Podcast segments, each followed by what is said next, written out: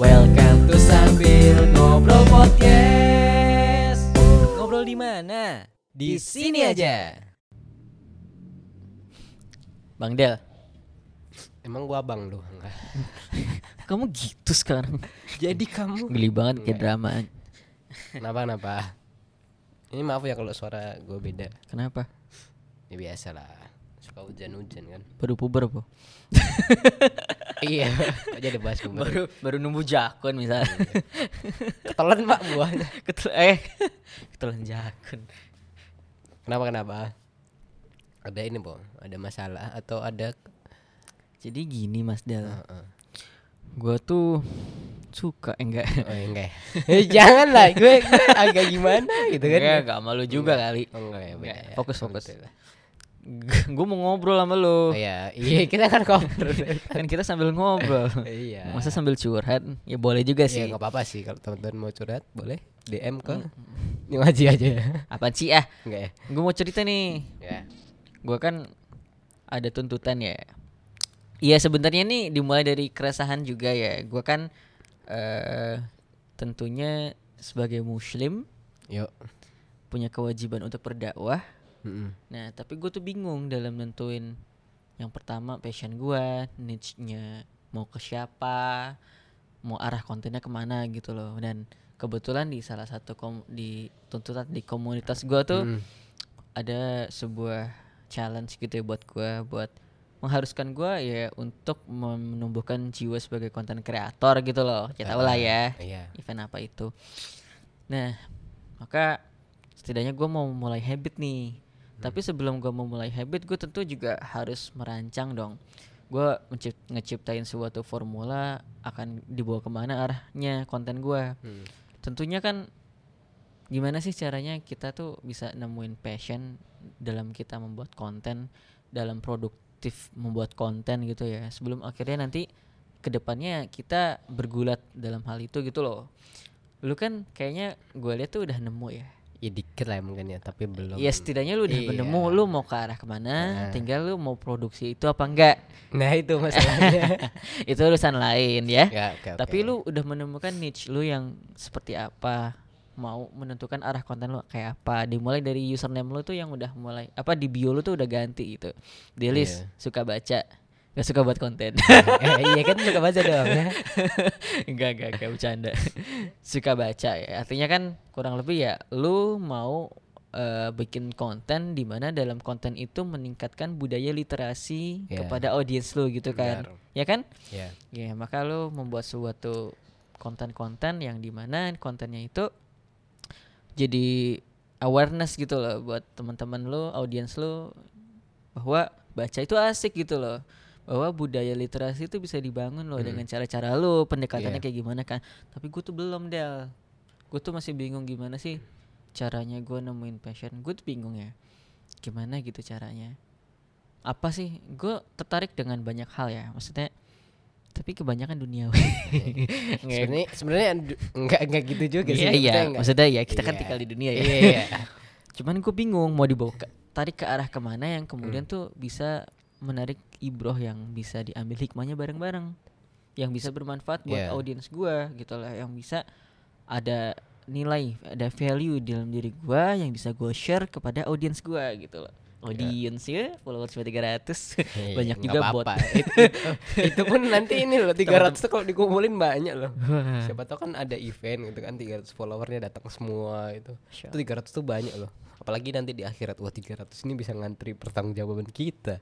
Lu ngasih eh, apa konten apa aja di Instagram sama 300 orang ini. Waduh.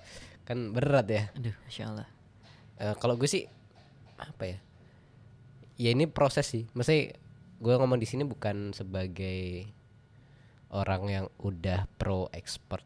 Hmm, enggak sih sama-sama belajar aja. Lebih ke sukanya apa dulu sih? Biasanya kan kita suka nih terhadap sesuatu. Kita lebih tertarik sama suatu hal atau eh, minimal gini lah. eh, eh, apa ya? Mendeteksinya itu lu suka sih kalau diajak ngobrol tentang apa gitu. Jadi ketika lo diajak ngobrol tentang apa tuh kayak ah, Nyambungnya ke mana? Ketika langsung langsung tuh kalau lo punya entah itu referensi atau Ah, apa ya ketertarikan mungkin kalau attentionnya ya jadi perhatian lo lebih gitu kan Mhm. Ya, gua Oh, iya. gua tahu arah maksudnya. iya pernah Ketika gitu. disinggung topik itu terus lu semangat kan? nah gitu biasanya kan kalau ada kan kalau kita nggak suka tentang suatu hal gitu kan tentang kuliner misalnya atau apa gitu kan kalau orang yang biasa-biasa tentang kuliner kan Hah, makan doang gitu kan karena ada yang Iya, iya gitu. maksudnya ya menangga- menanggapi seadanya lah ya. Mm-mm. Ya sesuai dengan informasi yang lu punya lah.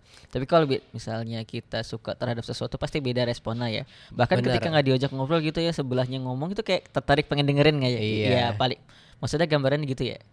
Oke. Iya, jadi kayak lebih lebih Oke, apa ya, berarti lebih pertama gitu kita concern terhadap topik apa yang kita sukai gitu ya. Mm-mm. Kita suka belajar tentang apa gitu ya, hal apa gitu ya. Kayak gitu. Iya menurut gue sih gitu. Jadi eh, hal-hal yang mungkin eh, kita tuh mudah, maksudnya mudah tuh apa ya? Gampang lah, gampang buat ngelakuin hal itu tuh atau belajar tentang hal itu kita suka kita dan tanpa disuruh gitu loh. Tanpa disuruh secara alami gitu kan. Secara alami ya, alami. Secara alami kita alami sih jadi apa ya kan? Secara Secara- tidak sadar. secara Secara mandiri sadar lah ya. ya. Secara mandiri tuh kita belajar tentang hal itu. Mungkin kalau contoh gue pun masih mencari-cari sebenarnya juga tentang tapi udah ada ketertarikan salah satunya di membaca gitu kan. Dan gue coba eh, lebih dalamin ke situ. Ya sebenarnya kalau tentang passion dan segala macam nah itu sebuah perjalanan yang gak bentar sih menurutku. Sebuah perjalanan yang lama. Karena ya ya Iya, untuk menemuin apa yang Iya. benar-benar lu suka itu memang maksudnya gini, banyak hal yang lu suka tapi nggak semua itu bisa diangkat. Iya ya benar, nggak sih? benar. Benar ya? Benar itu. Bahkan gue tuh kayak oh ya kita ambil contoh yang bisa di apa ya? Orang semua orang tahu lah Hmm. kayaknya. Ustadz Fuad dulu. Hmm. Nggak sih? Gue pernah dengar cerita beliau tuh untuk menemukan bahwa beliau itu akhirnya nemuin ketertarikannya terhadap dunia K-pop gitu ya. Itu setelah riset selama 11 tahun gak sih? Lu pernah dengar gak? Eh pernah sekitar 7 eh 7 12 plus 11 ya sekitar Jauh amat 7 sampai 2. eh 10 apa 11, 7 apa 2. Kalau Aku gue dengar dengar, ya 11 ya. tahun. Kalau gue dengar tuh 11 tahun. Jadi kayak beliau akhirnya menemukan eh, arah dakwahnya dibawa ke oh niche apa ya niche-nya Hmm, fokus sih lah fokus, titik fokusnya. fokusnya gitu kan eh, apa namanya ketertarikannya beliau itu terhadap K-pop tuh setelah riset dia selama 11 tahun gitu. Akhirnya dia punya XK Wafer, punya Hmm. X School dan punya jamaah sebanyak Iya. itu dan di mana-mana gua bilang sih hebat sih karena di mana-mana Ah, militan bahkan iya, ketika beneran. maksudnya ketika UN Roadshow kemarin ya jamaahnya Hmm. paling banyak maksudnya Iya. di mana jamaahnya Ustadz Fuad wah langsung gue suka ya. banget dengan apa ya sebagai M- responsif eh, gitu ya responsif banget sebagai MC gue tuh suka spiritnya gitu loh ya terus kayak di mana event-event juga kajian kalau ada SK Waver gitu melibatkan mereka tuh apa ya talk aktif responsif banget. Hmm, gue suka tuh. Ya kayak pembawaannya beliau tuh kebawa ke situ loh. Iya Iya kan? kayak semangatnya iya beliau tuh semangatnya. kayak Ustadz Fuad kan menyalurkan gitu loh. Eh, nyentrik gitu ya maksudnya Mm-mm. dengan gaya beliau itu yang kepermukaan banget gitu Mm. ya, gue suka. Ya gitu lah pokok contohnya gitu. Ini topik emang gitu sih pertama tuh topik kalau- kalau gue ya kesukaan lu yang nggak perlu disuruh tapi lu ngelakuin itu gitu kan Oke, pertama berarti kan kita perlu mendalami topik apa yang kita suka. Mm-mm. Kita harus tahu kita tuh sukanya belajar tentang Benar. apa. Nah, terus kemudian topik apa yang kita kuasai, yang kita sukai. yang kita suka belajar di Mm-mm, situ gitu mm-mm, kan mm-mm. Mm-mm. Yang kemudian ya, ya kita suka. Kalau kita senang sama topik terus tapi ya kadang gini juga loh. Gue suka sama hal itu misalnya fotografi gitu ya. Mm-mm. Gue suka fotografi tapi bisa jadi pas proses gua belajar Ya. itu nggak menemukan ketertarikan yang, Yang begitu be- dalam yang gitu lebih bahkan gitu di ya. di tengah dalam di tengah perjalanannya bisa jadi itu goyang gitu loh maka kayaknya penting banget kita tuh tahu topik apa yang kita suka dan kita kuasai dan kita tuh senang belajar di situ gak sih ya benar berarti dimulai dari situ dulu kalau gue tuh sih, pernah eh, soalnya gitu. pengen bikin konten tentang fotografi juga Mm. karena gue mulai belajar tentang mobile fotografi Oke. Terus kemudian gua mencoba membuat konten-konten dalam fotografi. Gue bahkan bikin akun yang isinya tentang jepretan gua. Oh, jepretan Rais underscore enggak ya Enggak dong. Inggris. In English. Inggris foto galeri gitu maksudnya. Ya gitu. Istilah akhirnya gue mencoba. Tapi eh, untuk menjadi expert menjadi pro itu perlu perjalanan. Dan ketika gue Iya. sharing itu pasti gue harus riset itu dengan waktu yang lama dong gitu Iya, kan. perlu. Ya gue juga harus menguasai juga tentang editing. Gue tuh suka fotografi karena dalam setiap foto tuh punya makna punya cerita di dalamnya gitu loh. Hmm. bahkan gue senang banget foto. Gue bahkan ya di foto di galeri gue tuh banyak yang gak kehapus karena ya punya cerita sendiri. Jadi Iya. gue mau ngapus tuh juga jarang bisa. Ya gitu sih. Pertama itu sih menurutku. Nah jadinya eh, gitu. Lu sukanya apa gitu kan? Apa? sukanya apa dan lu nggak perlu disuruh buat di situ. Terus apa ya? Mungkin ada prestasi apa menyebutnya itu pencapaian pribadi ya entah itu prestasi secara formal oh gitu berarti atau itu bisa masuk ke non formal gitu. ketiga ya berarti kan kita harus tahu topik kita suka belajar apa Hmm. tiga pencapaian diri lah gampangannya pencapaian diri. Contoh gua nih gua gua eh kayaknya kalau orang kalau buat sendiri sendiri gitu kan namatin satu buku gitu kan pas di awal awal itu ya itu biasa mungkin ya buat orang lain ya tapi buat gue sendiri kayak wah ini keren ini buat dis- eh, mengapresiasi kayak ya itu menjadi sebuah dalam tanda kutip prestasi diri gue sendiri yang gue apresiasi eh, apresiasi sendiri Ya maksudnya prestasi itu bukan berupa achievement iya, yang bukan formal ya. Juara ya itu bagus sih kalau Iya. ada. Tapi kan kalau kita membandingkan kita dengan juara nanti jadinya insecure. Atau kalau mau ya lu bisa bisa buat sertifikat sendiri deh. kita beli ya. di Penghargaan terhadap Delis untuk membaca satu kitab. Satu buku Kang, di selama Kang Piala beli. Gue tahu daerah yang berprestasi di mana Del. Di daerah ini dekat Malioboro tuh. Soalnya tiap kali gue ke sana tuh suka banyak piala di depan rumahnya dipajang. Saking banyaknya nggak nggak kitaruh di dalam. Gue tuh tiap lewat, wah masya Allah, nih orangnya pasti serumah isinya berprestasi semua nih. Pialanya banyak banget Hmm. di depan rumah. Tahu dong, lucu loh. silent gue ketawanya. itu eh, yang kedua tadi itu tentang eh, apa ya pencapaian pribadi lo yang lo suka di situ dan lo kayak wah ini prestasi gue nih Oke. prestasi diri sendiri gitu lo mengapresiasi bagaimana lo eh, bangga dalam tanda kutip ya bangga dengan dengan pencapaian itu gitu. Oke, berarti punya pencapaian. Ya setidaknya pengalaman yang di mana Iya. lu bangga atas apa yang lu achieve lah. Nah, terus kemudian lu pengen menceritakan itu kepada audiens lu. ya mungkin ketika ki- mungkin gue ya ketika gue baca buku kan otomatis nggak lancar-lancar aja ya Ada suatu obstacle lah ya. ada hambatan hambatan ya. entah itu waktu entah itu ngantuk entah itu kok baca bentar tiba-tiba udah terganggu dengan handphone dan segala macem ya nah itu kan yang mungkin orang lain nggak tahu gitu loh At- atau orang-orang yang emang nggak belum baca buku dan mereka belum belum menemukan itu gitu. Hmm. dan itu juga pasti Iya ya. dialami orang-orang yang emang Se- dia me- mungkin baru memulai ya memulai untuk buat eh, menambah bacaan gi- gitu berarti yang orang-orang yang sepermasalahan sama Iya. lu ya, maksudnya Eh, punya apa ya masalah yang sama bisa jadi Benar. bisa bisa gitu juga sih Oke, berarti masalah juga bisa jadi salah satu faktor ketika lu Hmm. nemuin passion lo ya. Ya iya gak sih? Kayak ya maksudnya Kebanyakan masalah yang konten. pengen pengen apa ya ya lu selesain gak sih? Ya, eh. Nah, berarti ketika kita buat konten tentunya ya, gue juga dalam buat konten gitu ya. Karena gue kan di Yung Aji Jogja juga kan buat konten ya. Hmm. Terutama sebagian besar 90% gitu ya ketika gue bikin konten ya pasti diawali dari keresahan. Ya Benar, apa yang gue temuin itu dalam sehari-hari gue misalnya.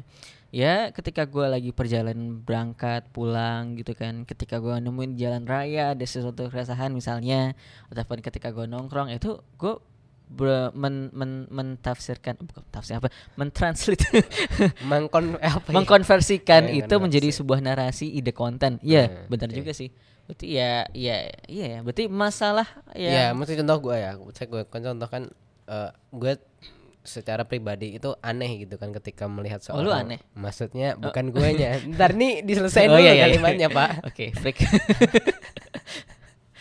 ketika lu Ketika, gue lihat seorang muslim gitu kan eh, tapi dia nggak suka baca gitu loh. Nah itu menurut gue ya ya, gue nih.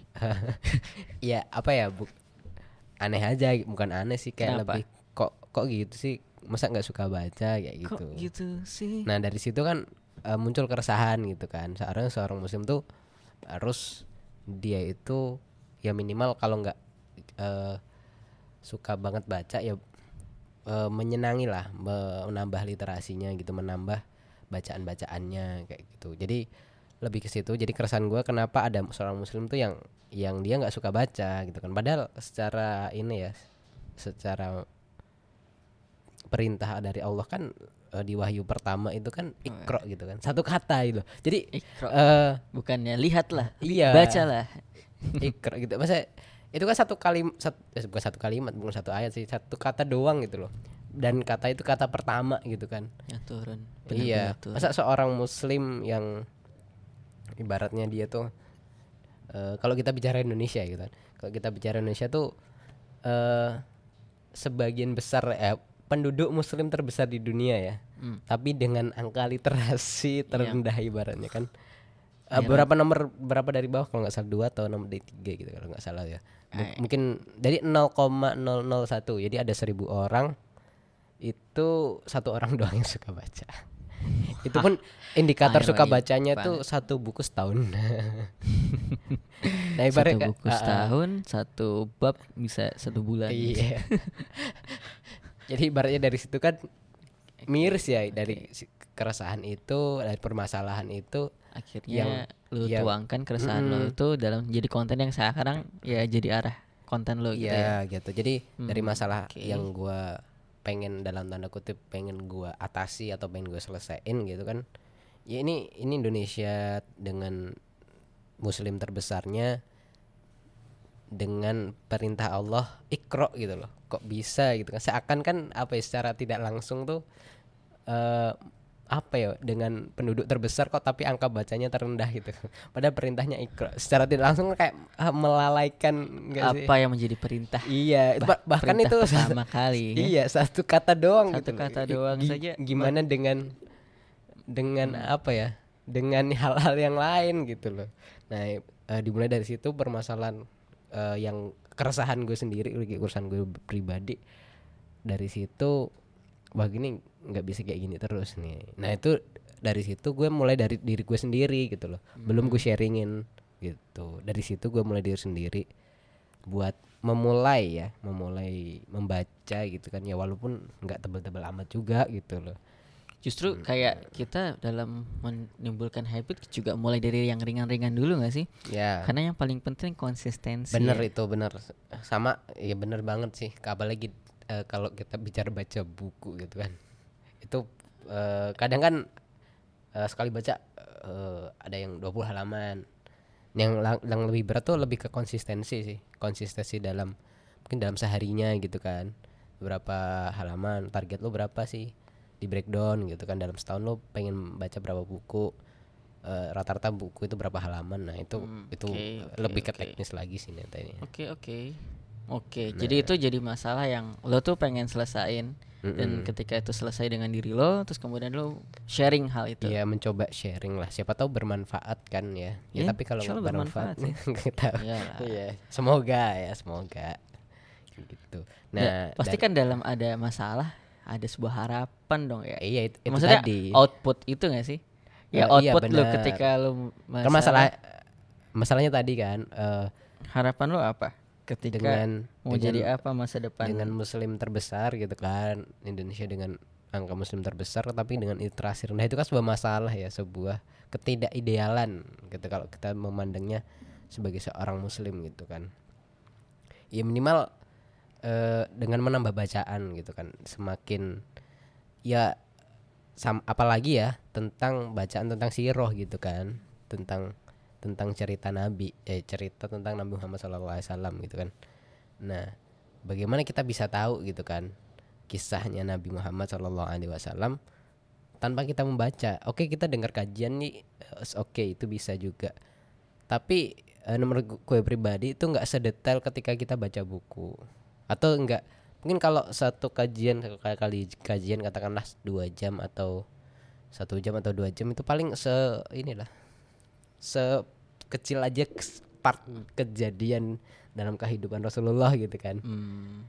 lu nggak bisa tahu seluruhnya gitu loh Ya karena banyak yang terlewat kan nggak mungkin juga kajian iya dibahas. dari nggak mungkin kan maksudnya itu berapa hari kalau itu Ya meskipun ada kajian yang Ya, memang uh, nah. bukan tematik ya, Nah. maksudnya kajian komprehensif yang Nah, ngebahas satu buku full pun ada, tapi kayaknya kan banyak pun hal-hal yang nggak m- dianggap tidak terlalu mendetail, kemudian nggak Ya. dibahas, bisa jadi kan?